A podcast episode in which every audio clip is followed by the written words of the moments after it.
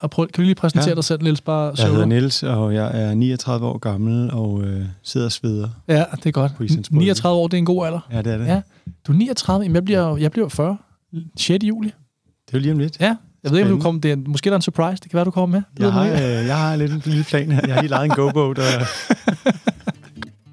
Okay, jeg tager dig altså lige ud af en tangent her lynhurtigt, for det viser faktisk, at jeg en uge efter, at det her interview blev optaget i slutningen af juni, øh, på min fødselsdag den 6. juli, faktisk blev overrasket med en surprise med alle mine venner og familie.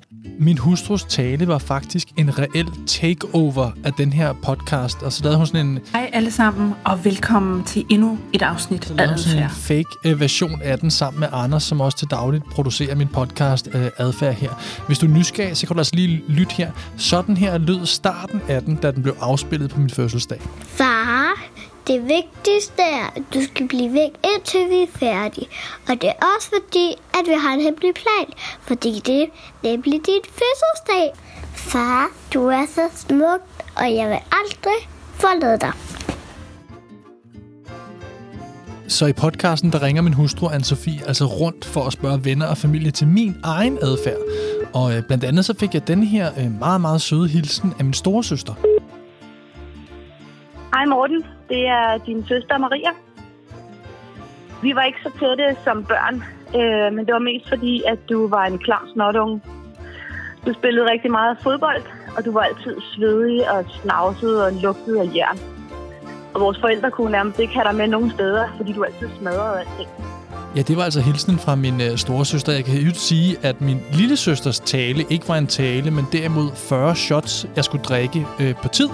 Øh, så det endte med, at jeg blev båret ud i taxaen. Det var en fantastisk øh, aften.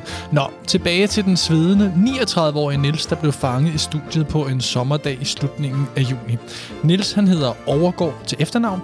Til dagligt så er han Head of Sustainability i virksomheden PFA, men han er altså primært inviteret ind i min podcast, fordi han er forfatter til den bestseller, der hedder Det hele handler ikke om dig, antikke principper for et liv med sindsro, frihed og mening. Jeg håber, at du vil lytte med her i samtalen med Niels, hvor han vil delagtiggøre dig i de fem stoiske principper, der som titlen antyder vil give dig mere sindsro, frihed og mening i dit liv. Og for dem af jer, der ikke er så stærke ud i stoicisme, jamen, så begyndte jeg med at bede Niels om at give jer sådan den helt korte version. Hvad er stoicisme? Jamen, øh, velkommen til, Niels. Tak skal du have. Jeg tænker, øh, lige for dem, der måske ikke er orienteret ud i feltet, kan du ikke sådan lige kort beskrive, sådan, hvad er stoicismen, og hvem er de sådan to-tre store figurer? Kan vi få sådan den, den korte version? Vi tager den helt, øh, helt korte. Øhm, stoicismen er en antik filosofi, som egentlig har trådet helt tilbage til, til Sokrates, øh, sådan af nogle lærer, lærermester lærte hinanden ned, og, og så var der så en, der startede den her filosofi, som lidt sætter på kode nogle af de tanker, som sådan nogle som Sokrates også øh, har været inde på. Og det er især i de, det, det, vi har overlevet til nutiden, er især fra, fra romerigets tid. Alle store idéer, der skulle blive til noget dengang, de skulle ligesom til Rom også på et tidspunkt. Øh, så der, er, der, der har vi fra, fra Seneca, som er en af de store historikere, så har vi Epiktet, som var en tidligere slave, og så har vi Marcus Aurelius, som er den det er nok mest kendte. Han er kejser, som, som også var, var en, stor, en af de store stoiske tænkere, som er blevet som er blevet overleveret til eftertiden. Der var også nogen, der kom inden, hvor der ikke er så meget overleveret tekster, så, så det, er, det er især de tre, som, som jeg ligesom har gået op i. Og, øh, og filosofien den selv, den, det er jo sådan en... Øh, det er baseret på nogle øh, fire dyder, fire sådan kardinaldyder, som er de store dyder, som også man kan genkende i andre sådan antikke filosofier, øh, som handler om øh, visdom, øh, selvbeherskelse, mod og øh, 1, 2, 3, retfærdighed selvfølgelig. Yes. Fire.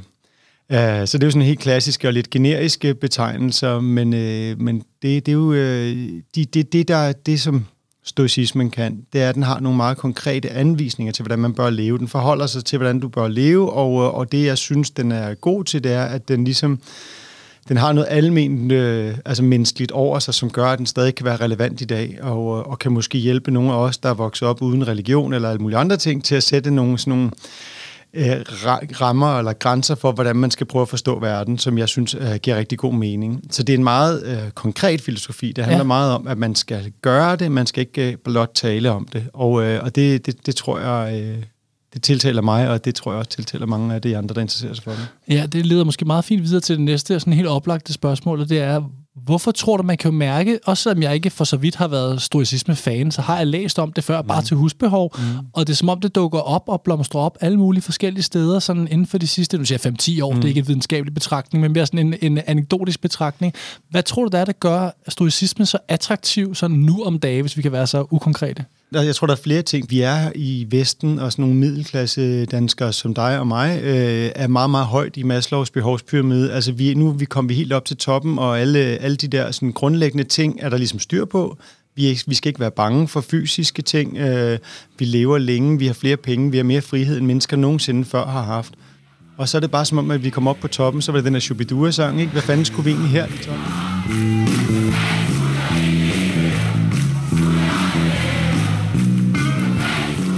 fanden skulle vi egentlig her i toppen af den behovspyramide? Vi, vi har det jo ikke godt. Det er jo det der med, øh, når du har alle muligheder, hvad gør du så? Ja. Øh, det er jo et nyt problem, øh, som vi står med. Jeg tror også, vi er efterladt med lidt sådan et eksistentielt hul af, at de fleste af os har ikke en religion. Ja. Vi har ikke reelt en religion i dag. Det vil sige, at det kan godt være, at vi går i kirken, når vi skal giftes, når, når nogen der dør. Men, men når, vi, når vi står i de der livskriser, som er fuldstændig, øh, som har været det samme i hele menneskehedens historie, tror jeg, øh, når vi står i de her livskriser, så har vi ikke rigtig nogen gode svar. Øh, og så går vi så til psykologer, men psykologer, øh, nu har jeg været til en del selv, øh, jamen de har, altså, de har jo gode spørgsmål, og nogle gange har de også nogle svar, men der er jo ikke sådan et eller andet fælles rammesystem, du ligesom kan bruge overført til dit liv. Og det var lidt det, jeg selv savnede, og det var så derfor, at min interesse for det blev vagt, og, og jeg ligesom begyndte at dykke længere og længere ned i det. Ja, og så har du så øh, på baggrund af dine egne jagttagelser, og skulle til at sige et ret grundigt selvstudium, tror vi kalde det, mm. øh, refleksioner fra arbejdslivet og, og privatlivet, så har du så skrevet bogen, der hedder Det hele handler ikke om dig. Ja. Øh, jeg er en sokker for gode titler, så tillykke med en fed titel. jeg, jeg har flere, som har, har orienteret mig om... Øh, for nylig for anden gang en, der sagde, at de overvejede at købe den til deres chef, også bare for signalværdien i det. Den, den, den, jeg synes, det er en sjov gave at give. Også ja. til, det, der er nogen, der kører studentergaver på den nu og sådan noget. Det synes jeg er ret, det, det er en dejlig tanke. Ja. Ligesom at starte ud med, tillykke med hugen. Det hele handler ikke om dig. Fedt. Lige tage, tage lige brøden af passionen og glæden her. Ja, ja præcis. Ej, også for at bringe det ned på jorden, ja. som jo er hele bogens pointe også. At sige sådan, vi kan godt kalde det alle mulige store ting og alle mulige græsgård, som ingen af os kan finde ud af at udtale. Ja. Men det er ikke det, der er pointen. Pointen er, hvad du kan bruge det til. Ja, og det synes jeg, nu har jeg også selv læst bogen, at du er super god til at få det netop ned på et konkret niveau, så man kan sidde og også reflektere lidt over i sit eget liv. Øhm, og bogen har du bygget op over, kan man sige det sådan, du har bygget den op over de fire dyder, men uddrager fem principper. Ja. Kan man sige det sådan? Ja, fordi, og det var jo sådan set for min egen skyld, fordi jeg oplevede selv, det var lidt svært at leve efter de der fire dyder. Altså, det, det, man kan godt lige læse om dem, eller lige høre om dem i, i en podcast, men det er sådan lidt svært at så cykler jeg lige på arbejde. Hvad har det at gøre med retfærdighed, eller mod, eller selvbeherskelse, eller visdom? Den er sådan lidt... Øh, ja. jeg synes, det er lidt svært at overføre, og øh, så var det, der var lidt overlevet sådan en gamle stoiske systemer, altså, og det blev bare lidt abstrakt for mig, og øh, jeg tror, min pointe har nok været, at jeg vil nok skrive for dem, der typisk vidste mindre om det, end jeg selv gjorde, ja. øh, for at åbne den verden op. Ja. Øhm, så derfor blev det så til fem principper, fordi mit hoved fungerer sådan, at principper, det kan jeg godt huske, og det kan jeg godt sådan forholde mig til, øh, og det kan, dem kan man ligesom måle sine beslutninger på, synes jeg, på en anden måde. Det, var, det gjorde det i hvert fald nemmere for mig selv, og det er derfor, den er bygget op sådan. Ja, så kan man også som læser, tænker jeg, sådan tænker jeg i hvert fald selv, ligesom finde ud af, hvad for et øh, passer bedst til mig. Øh, altså, de, de to, synes jeg, er ligegyldige, det er jeg god til, men et og fire er elendigt til, eller om tirsdagen, der er treeren oplagt, eller i den her relation, der er det femeren. Og det vil også, man kan shuffle lidt imellem dem. Fuldstændig, og det, og det er sådan, jeg står og gentager den for mig selv om morgenen, øh, og det er jo også meget forskelligt, hvad for en dag jeg har, hvad for en af dem, jeg ligesom tænker, okay, det der, det, det er lidt vigtigere i dag, end, øh, end et andet et. Så. så du står simpelthen og, og siger dem højt for dig selv øh, på badeværelset? Ind, ind i hovedet, ikke? Ja. ja. Ind i hovedet, mens jeg bader. Ja. Øh, jeg, jeg netop for at, øh, fordi jeg gerne vil have nogle ritualer omkring det, fordi at jeg bare, altså jeg har en øh, svag personlighed på den måde, at øh, jeg kunne være til for hvad som helst. Ja. Øh, hvis ikke jeg holder mig selv op og holder lidt snor i mig selv, så drifter jeg.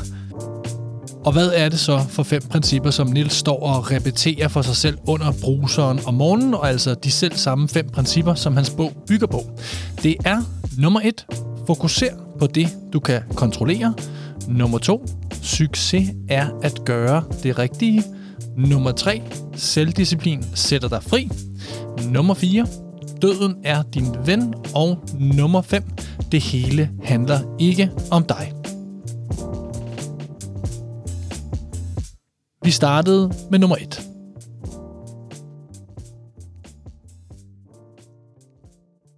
Så skulle vi hoppe ud i nummer et, fokusere på det, du kan kontrollere. Det ligger lidt i titlen, men kan du ikke lige øh, starte med at uddybe lidt, hvad det betyder? Det er egentlig, at det er en af de store stoikere, Epiktet, han, øh, en af hans elever opsummerer hans viden på et tidspunkt i sådan en håndbog, hedder den Enchiridion. Jeg ved ikke, hvordan man siger det på oldgræsk. Der er sikkert nogen, der vil rette mig derude. Det er I velkommen til. Jeg er ligeglad. øhm, netop fordi, at øh, det første princip, han ligesom fremhæver, det er, at du, du skal forstå, hvad der er inden for din kontrolsfære og udenfor. Og det er den aller, aller, aller korteste vej til at blive lykkelig. Den er også kendt for den der sindsrobøn, som blandt andet anonyme alkoholikere bruger, og som, øh, som sådan dukker lidt op i populærkulturen rundt omkring. Altså giv mig sindsro til at hvordan er det, acceptere de ting, jeg ikke kan ændre, øh, styrke til at ændre dem, jeg kan, og visdom til, til at kende forskel, forskellen. Ja, ja. Og det er jo egentlig det, som den her handler om. De ting, vi ikke kan kontrollere, kan vi lige så godt øh, være ligeglade med, og de ting, vi kan kontrollere, skal vi, skal, skal vi tage rigtig alvorligt og øh, gøre os umage med. Det, som med Epictet så ligger inden for vores kontrolsfære, det er virkelig øh, vores valg, kan du sige. Det er vores tanker og vores handlinger. Vores tanker, vil du så nok også sige, dem vælger vi heller ikke helt selv, men, men valget om, hvad der, hvad der sker os, det er det, det, vi har. Alt det andet, det er udenfor. Det vil sige mit arm, mit ben, min kone, min datter, min cykel, der står derude. Er min sundhed, lader os mærke til bogen? Ja. Øh, de her ting, det er jo klart, at vi kan påvirke dem, øh, og vi kan påvirke risikoen for at, øh, at dø af kræft ved at lade være at ryge cigaretter og så videre, men, men vi kan ikke bestemme det.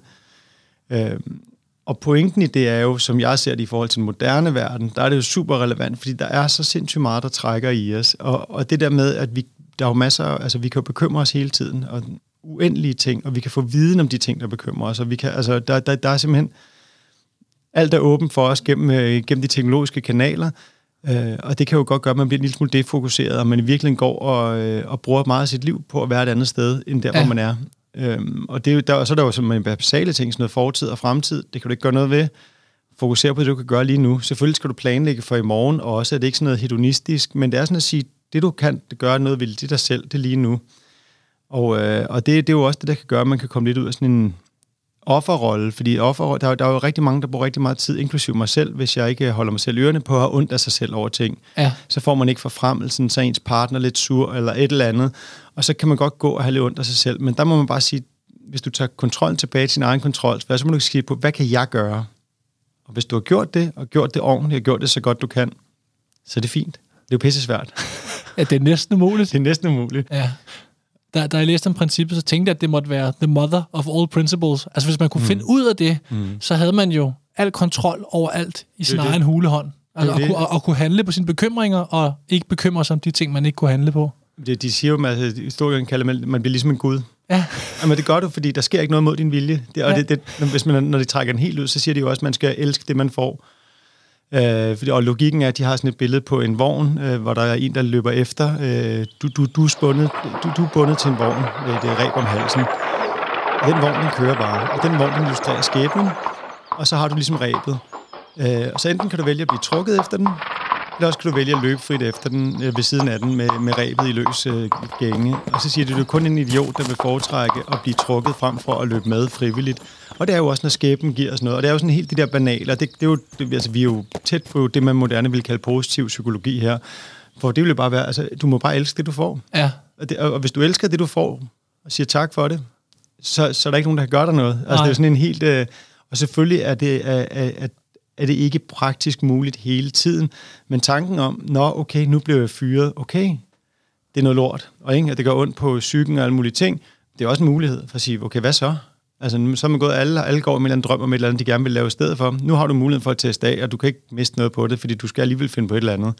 Altså, der, der er jo noget i, at hvis man vælger, at, at de ting, der sker for en, er gode, ja.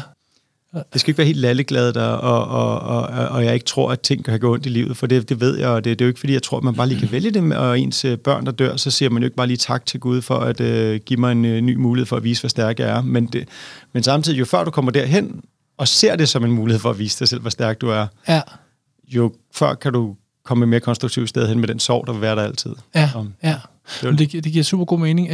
Jeg har jo jeg har tænkt meget over det her, jeg er meget privilegeret i mit liv. Øhm, og jeg har et godt arbejde, masser af fleksibilitet og, og en fin løn osv. Jeg kører ligesom den samme cyklus hele tiden, og det tænkte jeg rigtig meget over det her kapitel, at jeg bekymrer mig for en eller anden opgave, der ligger ude i horisonten, så bekymrer jeg, bekymrer mig. Så når der er en time til, så forsvinder alle bekymringerne, for nu, nu er tiden oprendet, så løser jeg opgaven, så plejer det sgu at gå faktisk ret godt. Og så tænker jeg bagefter, hold kæft, hvor er det dumt, har du gået og tænkt over det her en måned, har du tænkt over det i sengen, når du vågnede. Mm. Jeg skal holde en konference her mm. til august, og jeg er allerede gået i gang med, åh oh, gud, åh oh, nej, hvad nu hvis det er den forkerte dato, mm. jeg har skrevet på websitet? Hvad nu hvis folk de bliver sure? Hvad hvis folk ikke kan lide det? Og så videre. Og øh, jeg håber, at det går godt. Mit spørgsmål her, jeg prøver at komme frem til, det er, jeg har egentlig den intellektuelle viden omkring, at det er det virkelig dumt cyklus, som jeg nærmest har kørt flere år. Og jeg ved godt, jeg er god til det, jeg mm. laver for så vidt. At der er stor mm. sandsynlighed for, at det bliver godt. Mm. Og alligevel bliver jeg fanget i den. Mm. Nu er det ikke, fordi du er min psykolog, men du er længere i det, end jeg er. Hvad fanden skal man gøre? Hvordan kan man, kan man øve sig på det her? Hvordan kommer man ud af det her, når man egentlig godt ved, man bekymrer sig om noget, som... Kan du følge mit spørgsmål? Ja, men jeg kan selvfølgelig, og, og jeg tror, vi alle sammen de, i hvert fald de fleste, jeg kender, inklusive mig selv, har nogle af de der cirkler, vi kører rundt i vores hjerne. Og, og hjerneforskning viser jo også det der med, at de ting, vi gør, bliver jo ligesom bare forstærket. Så ja. vi, de fleste af os har brugt rigtig mange år på, på en eller anden måde at have nogle negative mønstre. Og jeg tænker ikke, der er andet end, tror jeg, at blive opmærksom på den, når den kommer, og så lige give sig selv det lille ding ind i hovedet. Og så sige, det har det, smid den væk. Altså, man skal ikke tænke på, at man ikke skal tænke på det. Det er så det, der er den svære, ikke?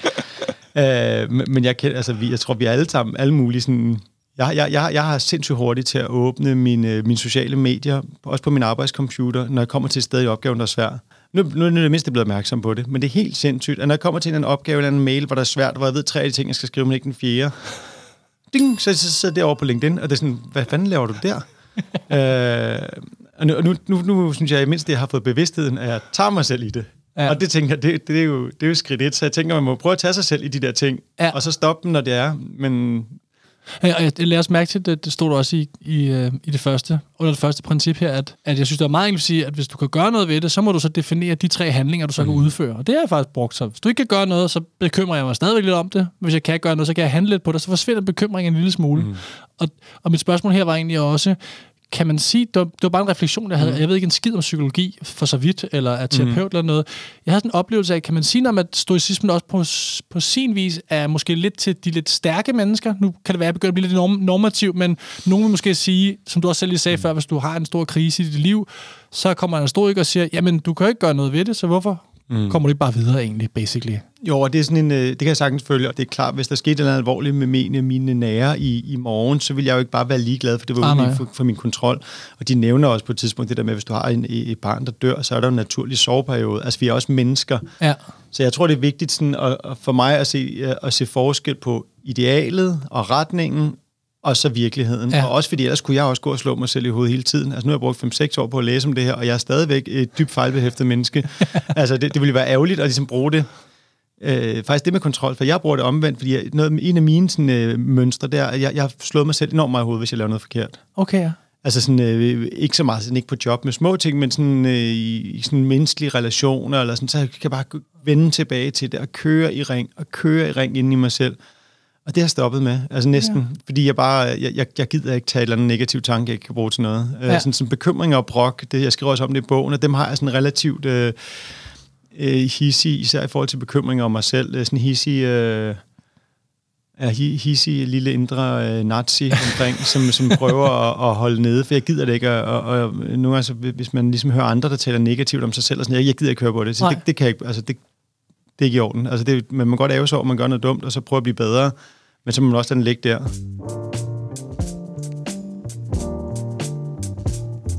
Det første og største princip er altså at fokusere på det, du kan kontrollere. Hvis du ikke kan kontrollere det, jamen så lad det ligge, og hvis du rent faktisk kan kontrollere det, jamen så handel på det. Udfør tre små handlinger lige nu, og mærk så en lille del af bekymringen forsvinde. Det er let at sige, svært at gøre og uendelig værdifuldt at lære. Nå, nummer to var jo, som du kan huske følgende, succes er at gøre det rigtige. Hør her, hvad Nils siger om det.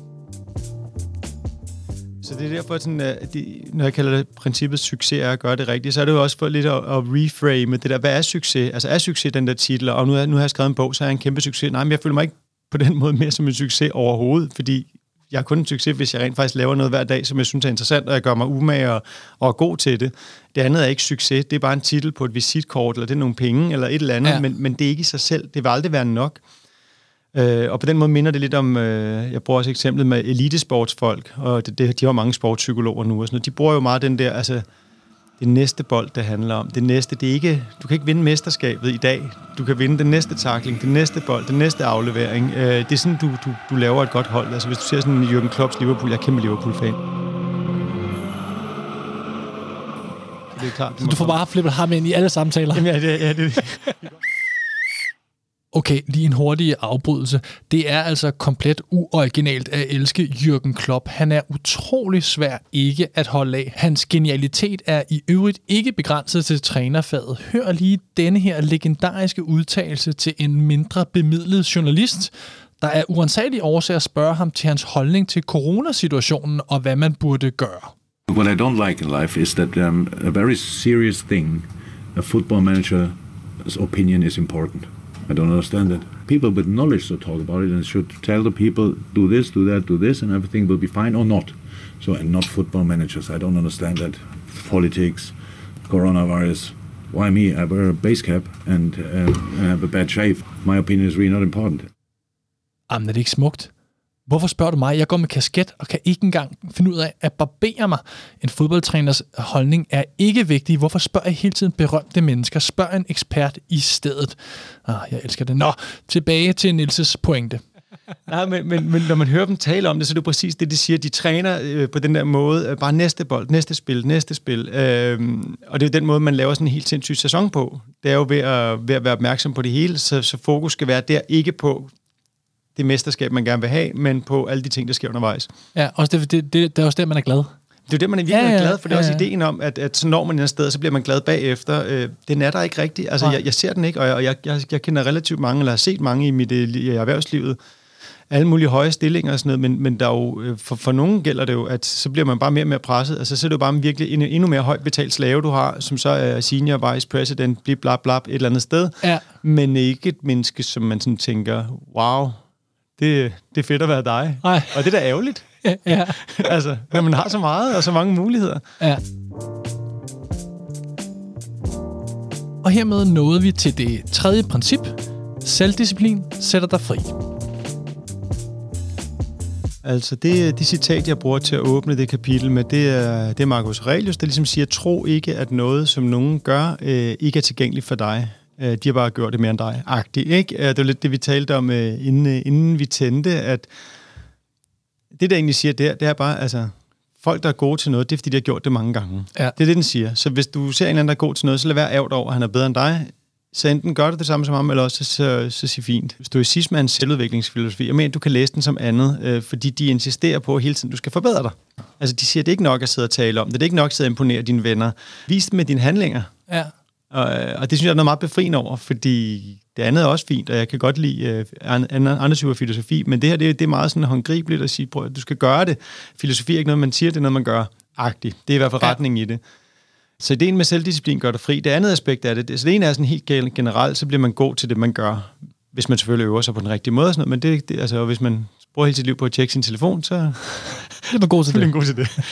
Uh, og det andet er så det er lidt med telefonen, de der ting, at moderne verden giver os bare så mange muligheder for at spille tiden, og gør bruger meget, meget bevidst omkring uh, muligheden for at frarøve os vores opmærksomhed. Uh, de, altså, de der absurde tal med, hvor mange uh, livstider man kunne se igennem på Netflix i træk. uh, altså, der vil begynde at lukke lidt mærkeligt uden for opgangen, men i princippet kunne du bare... Altså, vi, vi kan bruge helt liv, og der er nogen, der prøver at tage det fra os hele tiden. Ja. Så mere end, end sådan en positiv tilvalg øh, i forhold til selvdisciplin, så mener jeg også i den moderne verden, at det skal være sådan et, altså man, man er simpelthen nødt til at gøre det bare for at beskytte sig selv, om ikke andet bare for at værne om den lille smule frie valg. Og det er lidt tilbage til første princip. Hvis det fineste, du har, det er dit frie valg, så alt, hvad der prøver at minimere din mulighed for at træffe frie beslutninger, det er dine fjender. Ja, undskyld, jeg afbryder, men husk lige den sætning, øh, når du selv står i bruseren i morgen tidlig. Den kan jeg altså godt lide. Hvis det fineste, du har, er dit frie valg, så er alt, hvad der prøver at minimere dine muligheder for at træffe frie beslutninger, det er dine fjender. Så det er noget af det, jeg selv øh, kæmper meget med, øh, og synes, at man bør øh, forholde sig, i hvert fald som minimum forholde sig kritisk til, og så må man jo beslutte, om man bare vil køre videre. Det er jo fair nok, hvis folk øh, synes, det er, en god, det er en god måde at leve livet på. Mit, mit argument, det stoiske argument vil være, at det er jo ikke en værdig måde at, med sådan en øh, blød og ubekymret livsstil, tror jeg, de kalder det, at, at, bruge et liv. Øh, der, der, der, der vil de hellere sige, at det er et, en værdig stræben, Øh, og jeg tror, en værdig stræben, det er sådan retningen i mit hoved i forhold til sådan, altså, jeg ved ikke, hvad, man, hvad du, der lytter til det, skal stræbe efter, eller bør stræbe efter, men jeg synes, ved i hvert fald, hvis jeg tænker tilbage på et liv vel investeret, som Seling kalder det, så værdig stræben, altså med nogle sunde øh, mål og gøre dit bedste på en ordentlig måde. Øh, det ja. tror jeg er et godt brugt liv. Jeg følte mig meget ramt. Jeg, jeg tror, det er under princip 3, jeg følte mig en smule ramt, fordi jeg tror, de fleste, der kender mig, vil vide, det er, at øh, al, al, den, øh, al den ekstra løn, jeg måtte have til overs, når jeg betalte mit husregning og min øh, Skoda Octavia osv., bruger jeg på ikke at have problemer. Altså, jeg, jeg hader besvær. Ikke? Mm. Så jeg, jeg vil komme og hente mit tøj og rense det for mig. Jeg, jeg, vil, jeg vil ikke lave noget som helst, jeg ikke bryder mig om. Øh, samtidig, så, som også andre så har fortalt mig, så er jeg jo så også god til netop at lave en konference eller skrive en bog. Mm. Altså have nogle ting, som trods alt ja. ikke er særlig lette. Men sådan 90% af mit liv, der vil jeg egentlig gerne undgå øh, mm. besvær. Jeg vil ikke have noget bøvl ting skal bare fungere, og jeg vil mm. gerne betale mig ud af det. På mm. den måde er jeg jo en god forbruger, ikke? Altså, mm. Altså, fordi jeg, giver mig det der abonnement til det der, så jeg kan se, så jeg ikke behøver at beskæftige mig med det, ikke? Mm. Øhm, og jeg føler mig lidt ramt øh, i den forstand, at, at en del af bogen, og også filosofien jo også, handler om det der med, at man, man skal ikke blindt opsøge problemer, men man skal ikke forsøge at komme udenom dem. Jeg tror ikke, man nødvendigvis bliver stærkere og bedre af at undgå det. Når det er sagt, altså, hvis du har en rengøringshjelm, og du så i stedet for bestræber dig på at... Kig på min telefon. Jeg vil blive gået bedre til noget andet. Nå, men det er også lidt, hvad man bruger man tiden på, eller hvad... hvad ja. øh, vi, altså, jeg, jeg, tror, jeg tror ikke så meget enten eller, eller også mere retninger. For mig er det også nogle, nogle af de der ting, ting jeg har. Altså, jeg, jeg, jeg er helt tilbøjelig til det samme som dig. Jeg, jeg hader praktisk ting. Jeg synes virkelig, altså, jeg har flyttet i hus, og jeg, jeg, der, jeg har intet anlæg for det, og det, det interesserer mig ikke. Altså, jeg, jeg får ikke nogen som helst glæde af tanken om at skulle lige en eller anden træterrasse, og jeg, jeg har virkelig ikke... Altså, og en, en, jeg tror, vi kone laver altid det der, når kvinder snakker om deres mænd, sådan, om, altså, han er altså ikke så god med hænderne og sådan noget. Altså, okay, hvad, hvad vil I have? Altså, I vil gerne have en akademiker, der tjener mange penge, men I vil også åbenbart, så kan snakke om følelser, men I vil også have en, en der kan, kan sætte et halvt hus op. Okay, altså.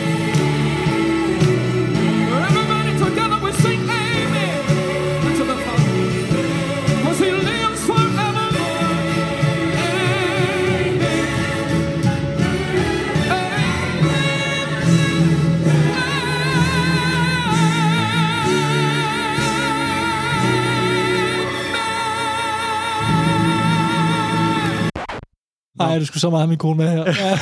men de, de gør det alle sammen, holder med til sådan, øh, kvinder i vores sådan, segment. Der, de, de vil gerne have det ene, men de vil egentlig også gerne ja. have det andet og det tredje. Nå, ja. øhm. Og min hustru gav mig jo fødselsdag på et tidspunkt, den store gør det selv håndbog, bare som en kæmpe joke. Jamen, det så, en, så, andre kunne se det, når jeg pakkede op, så de, kunne, de alle sammen kunne sidde og grine okay. af mig. Ja, så det, det niveau, jeg er. Det er også Ej. der, vores forhold er.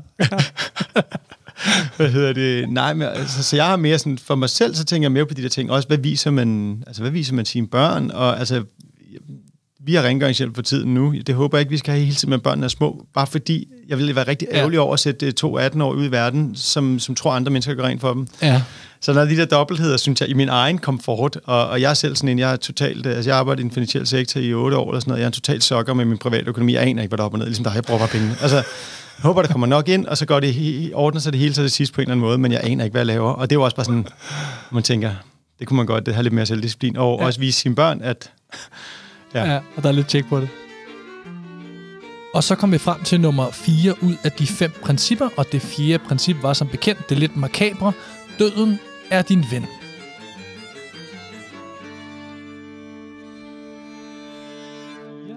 Det lidt dramatiske princip, der hedder, at døden er din ven. Er det det, der hedder Memento Mori? Stammer det for ja. dem, eller er det mig, der blander det sammen nu? Jeg ved ikke, om det stammer for dem, men de brugte det i hvert fald. Okay, så, ja. Men jo, de brugte det. Øh, det var det, de stod sådan og viskede til de her kejser, når de kørte triumftog gennem Rom, og de blev tiljublet af hele Rom. Så, så, Nå, stod, okay. en, så stod der en bag ved at viske i øret. Memento Mori.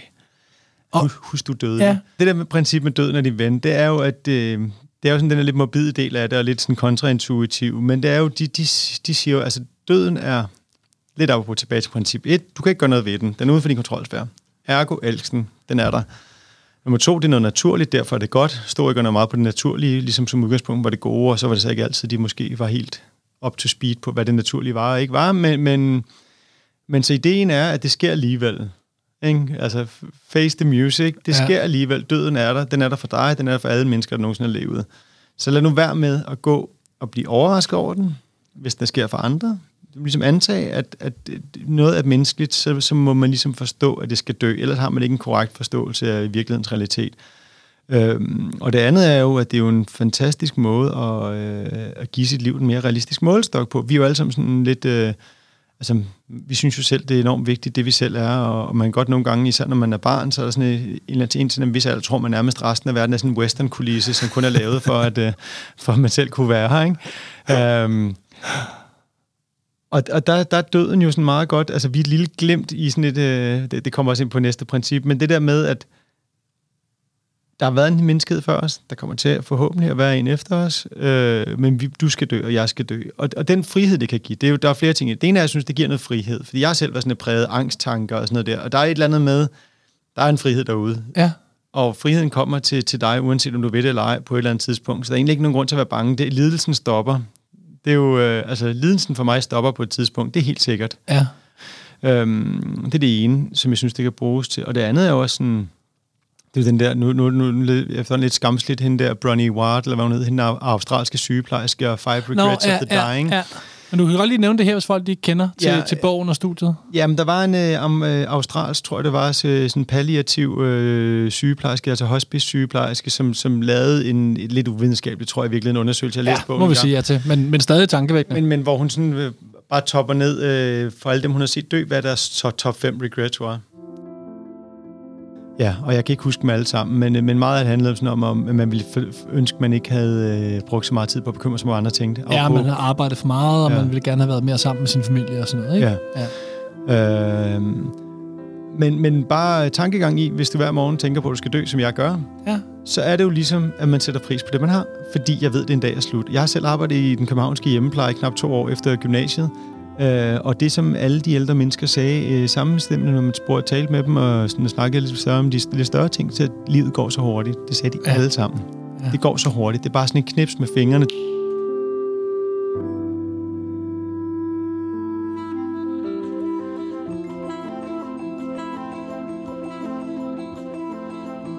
Det går hurtigt. Det er her en gang. Det er et ret godt incitament til at prøve at tage sig sammen og få Ja. noget fedt ud af det, og prøve at være her og, og sætte pris på det. Og det er jo også den der, som jeg, jeg synes ligger som en undertone i stoicismen, taknemmelighed. Altså, jeg lever ikke for evigt. Jeg har i dag. I dag skinner solen udenfor. Okay, det er meget godt. Øh, vil jeg gerne have haft lidt flere penge, eller et eller andet andet, eller at øh, min far stadig levede, som døde for otte år siden? Ja, det vil jeg rigtig gerne have. Men der er også meget godt her. Ja. Ja. Altså, det er ikke... Og, og, det, og det er jo det, som jeg synes er lidt ærgerligt ved det moderne samfund, sådan lidt tilbage til tråden til start med, med det der, altså vi har så mange ting, og vi sætter så lidt pris på det, hvis jeg skal være lidt hård, ikke? Jeg, jeg, der var sådan en flygtning, jeg læste engang i et interview med, bare overskriften, den ramte sådan, den ramte et eller andet i mig, hvor hun sagde, hun, hun skal bare køre i bus i København, efter hun så får opholdstilladelse i Danmark. Bare sådan, I ved slet ikke, hvor godt I har det. det er ret vildt, ikke? Altså, der er jo, der er jo mennesker hele, lige nu, som har det rigtig, rigtig svært, og vi lever en gang, og så går vi rundt og bekymrer os i det her liv om små ting, mens uh, solen skinner udenfor, og man har, hvis man er heldig, har man et arbejde eller noget, man godt kan lide at lave, og man har venner og familie. Altså, du ved, der er bare mange ting at sætte pris på. Det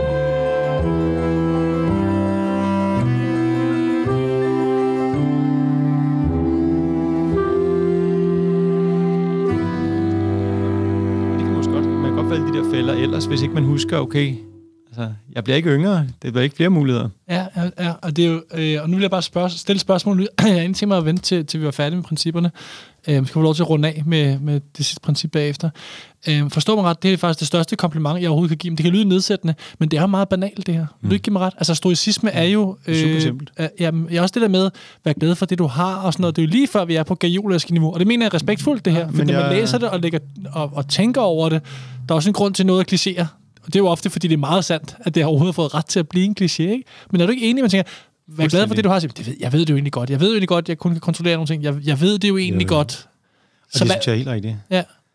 Øh, og, og meget af det er jo også en lidt gammel, god gammeldags sund fornuft. Altså, jeg tror ikke, at øh, min, min kones far var, var, var lille barn i krigens tid. Øh, og, og den der, altså, man behøver ikke prædike mådehold og selvbeherskelse og sådan noget fra en, der har vokset op i krigens tid, fordi altså, der passer du bare på tingene og øh, er respektfuld over for andre. Altså, der, er der, er jo- det, er jo, det er jo gamle dyder et eller andet sted, og jeg har også fået respons fra, fra en del, som sådan, jeg er rigtig glad for, øh, for bogen, og øh, det, det beskriver egentlig bare, hvad jeg har prøvet at leve efter hele mit liv. Altså, ja. eller, eller sådan har jeg levet, eller øh, vil- gerne vil opdrage mine børn. Altså, eller, så jo, det er jo meget common sense, og det er jo egentlig bare et, en eller anden form for system til øh, common sense. Og, jeg tror også, at jeg er ikke idehistoriker, og jeg har brugt øh, cirka 0 øh, timer på at og, og sådan, øh, efterforske den historiske, idehistoriske påvirkning gennem tiden, men, men meget af det er jo Altså, det har været aflejret i alle mulige de ting, vi blev præsenteret fra kognitiv psykologi, er startet en, der elskede stoicisme. Eller, altså, der, der er rigtig mange øh, rigtig meget kristen etik, tror jeg. Øh, det er jo ret sammensmeltet fra start af, hvad, ja. hvad, hvor hvad kommer fra. Øh, hvilket får mig til at tro, det er også derfor, jeg godt kan lide stoicismen i forhold til alt muligt selvhjælp, fordi at når noget har været sandt i 2000 år, så tror jeg ret meget på, at vi også taler om det om 100 år, hvor at øh, sidste års selvhjælpsting, øh, ting, den er nok ude igen om 10 år. Ja. Så det der med, for mig har det en selvstændig værdi, at det har overlevet så længe, fordi det, det giver mig en tro på, at der er noget almindeligt i det. Så, så jo, det er common sense. Ja. Og, og hvis du levede et godt gammeldags common sense liv, så vil du også være altså, en god historiker. Altså, Ja. jeg kommer til at tænke på flere gange øh, undervejs, kommer jeg til at tænke på den der Monty Python-sketch, den må du også se, den der, hvor de står og battler om, hvem der har haft det sværeste liv. Very possible, Lizzie. Very possible. Aye. My old dad used to say to me, money doesn't bring you happiness, son. He was right. Aye. I was happier then and I had nothing. We used to live in this tiny old tumble down house with great big holes in the roof. House? You were lucky to live in a house. We used to live in one room, all 26 of us, no furniture, half the floor was missing. We're all huddled together in one corner for fear of falling. You were lucky to have a room.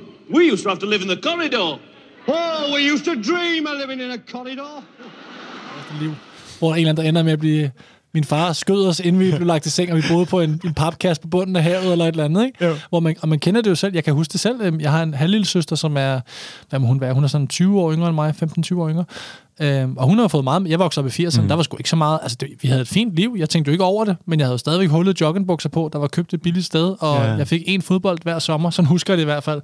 Og så kom jeg hjem til min, øh, til min lille søster, der, da jeg selv var sådan 25 år. Hun havde allerede 20 fodbolde og Ja. fire Mac-computer. Og der var jeg lige ved at begynde at fortælle ja. hende om dengang, jeg var barn. Jeg kunne bare mærke, er seriøst, ikke? Ja. Og det er bare det der med, at man, man vender sig til det, man får, og det er normen, og så er den næste generation får måske lidt mere, hvis vi er heldige, der er mere velstand, men så vender de sig til det, og der er ikke rigtig nogen, der når at stoppe op, vel? Og det er ligesom ikke ens forældre har det. sagt, det er min far, de, når de skulle have en fodbold, de havde ikke nogen fodbold, mm. de skulle lave den af strømpesokker, ikke? Ja. Og jeg ser på, at hans far må tænke på en fodbold, Ja, men der er jo ikke noget forskel i lykke, når man sammenligner de Nej, det er jo det. generationer. Ja.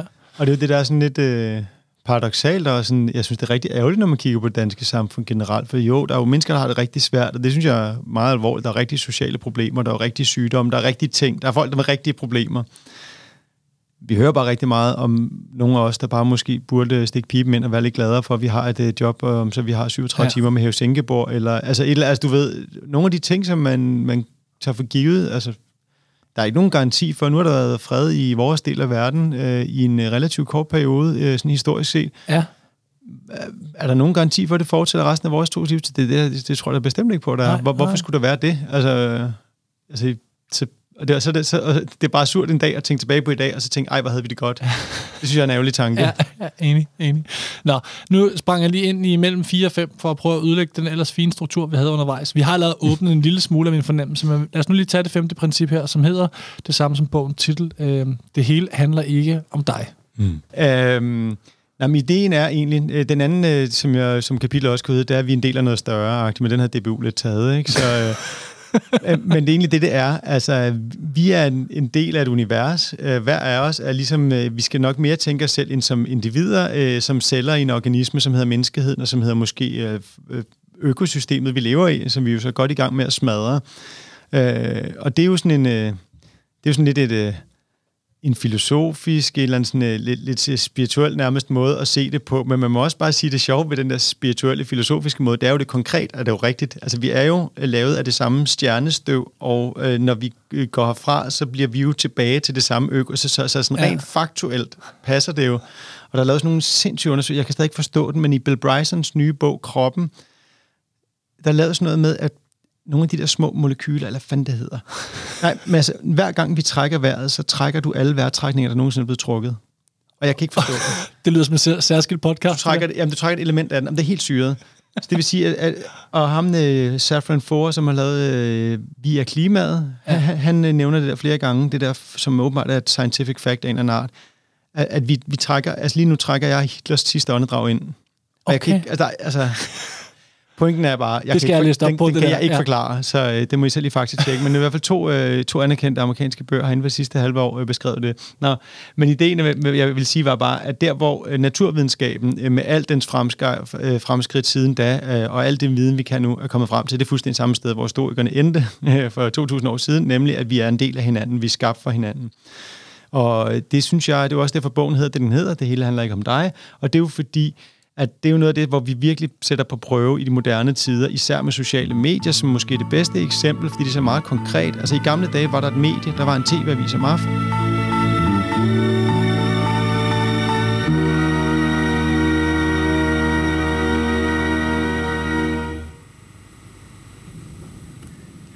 God aften. Det er usikkert, om regeringen vil blive siddende, og vi har i den anledning løjet stemningen på Christiansborg. Og så var der en avis, og så var det ligesom det. Det var medierne.